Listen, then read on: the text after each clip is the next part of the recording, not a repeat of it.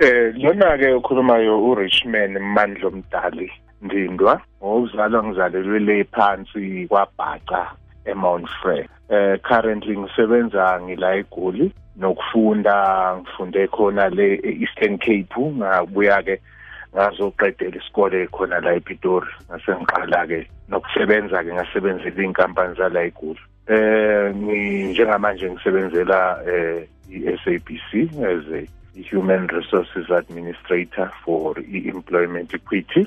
Eh njengomuntu ophila nokukhubazeka eh siye sihlangane nama-challenges amaningi. Okokuqala nje ukusukela kwizinto zomsebenzi uma ungena eh uyowenza izinto ezifana nama-interview. Before bebona wena uwumuntu isikhathi esiningi nje baye bayibonele nje i-wheelchair ngoba yiyo esuke isihamba phambili. Okuye kube yi-disadvantage eningi leyo ngoba isikhathini esiningi uyothola ukuthi basheshe bakujaje ngokuthi nje hayi bo lo muntu uzokwazi ukwenza lo msebenzi ehamba ngesihlalo yonke leyo nto leyo. Kanti into yonke isekuthenini esemqondweni nokuthi uyimisele kangakanani eh ngokusebenza.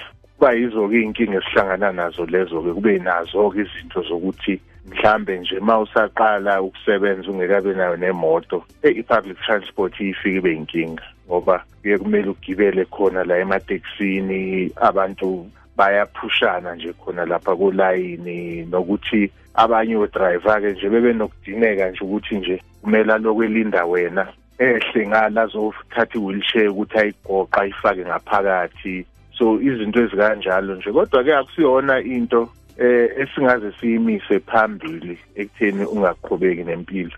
Ngeke ngithi mina inkinga iba sekuthenini mhlambe iqala ekhaya ebazalini ukuthi noma ngathiwa abazali abafundile eh ingane yabo naku sinokuphila nokukhubazeka kodwa kusemqoka ukuthi kubo bayilungiselele ukuthi impilo yayo ize ibe ngcono ngaphambili ngoba ke ukufunda lokhu ikona okuyisisekelo nokuthi ikona okuyokuthatha kusephambili especially uma umuntu ophila nokukhubazeka ukufunda kubalekile ngoba ikona okwenza impilo isheshe ibe ibe lula nokuthi izinto zakho zisheshe zihleleke ngoba phela mase kukhulunywa iqiniso imali ephuma kugovernment yegrant akusiyona imali ongazi ukuthi ungaphila impilo yakho yonke nje ngayo ngoba nje ayenele phela. Uyacabanga ukuthi usakhula mawukhulwe uzoba nomndeni ingabe umndeni wondla ngaleyo mali. So that's why ngathi kubalekile ukuthi sizimisele ekutheni sifunde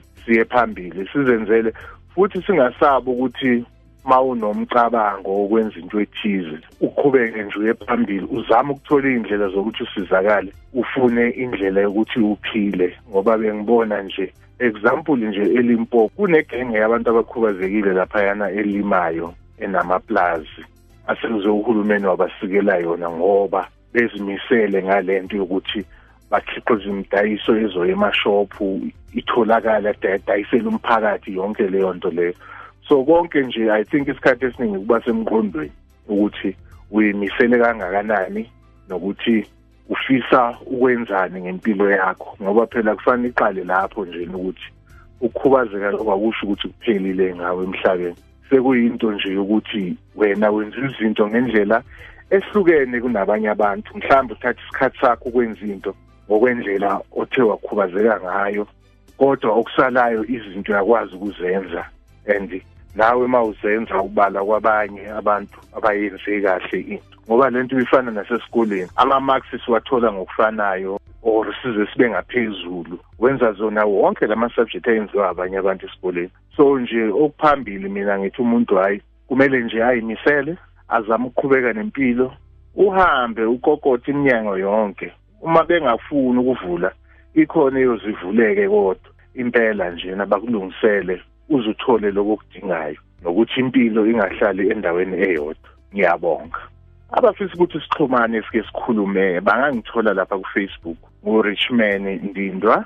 Kanti-ke naso ocingweni le-whatsapp lukhona 074 188 7166 ngiyabonga.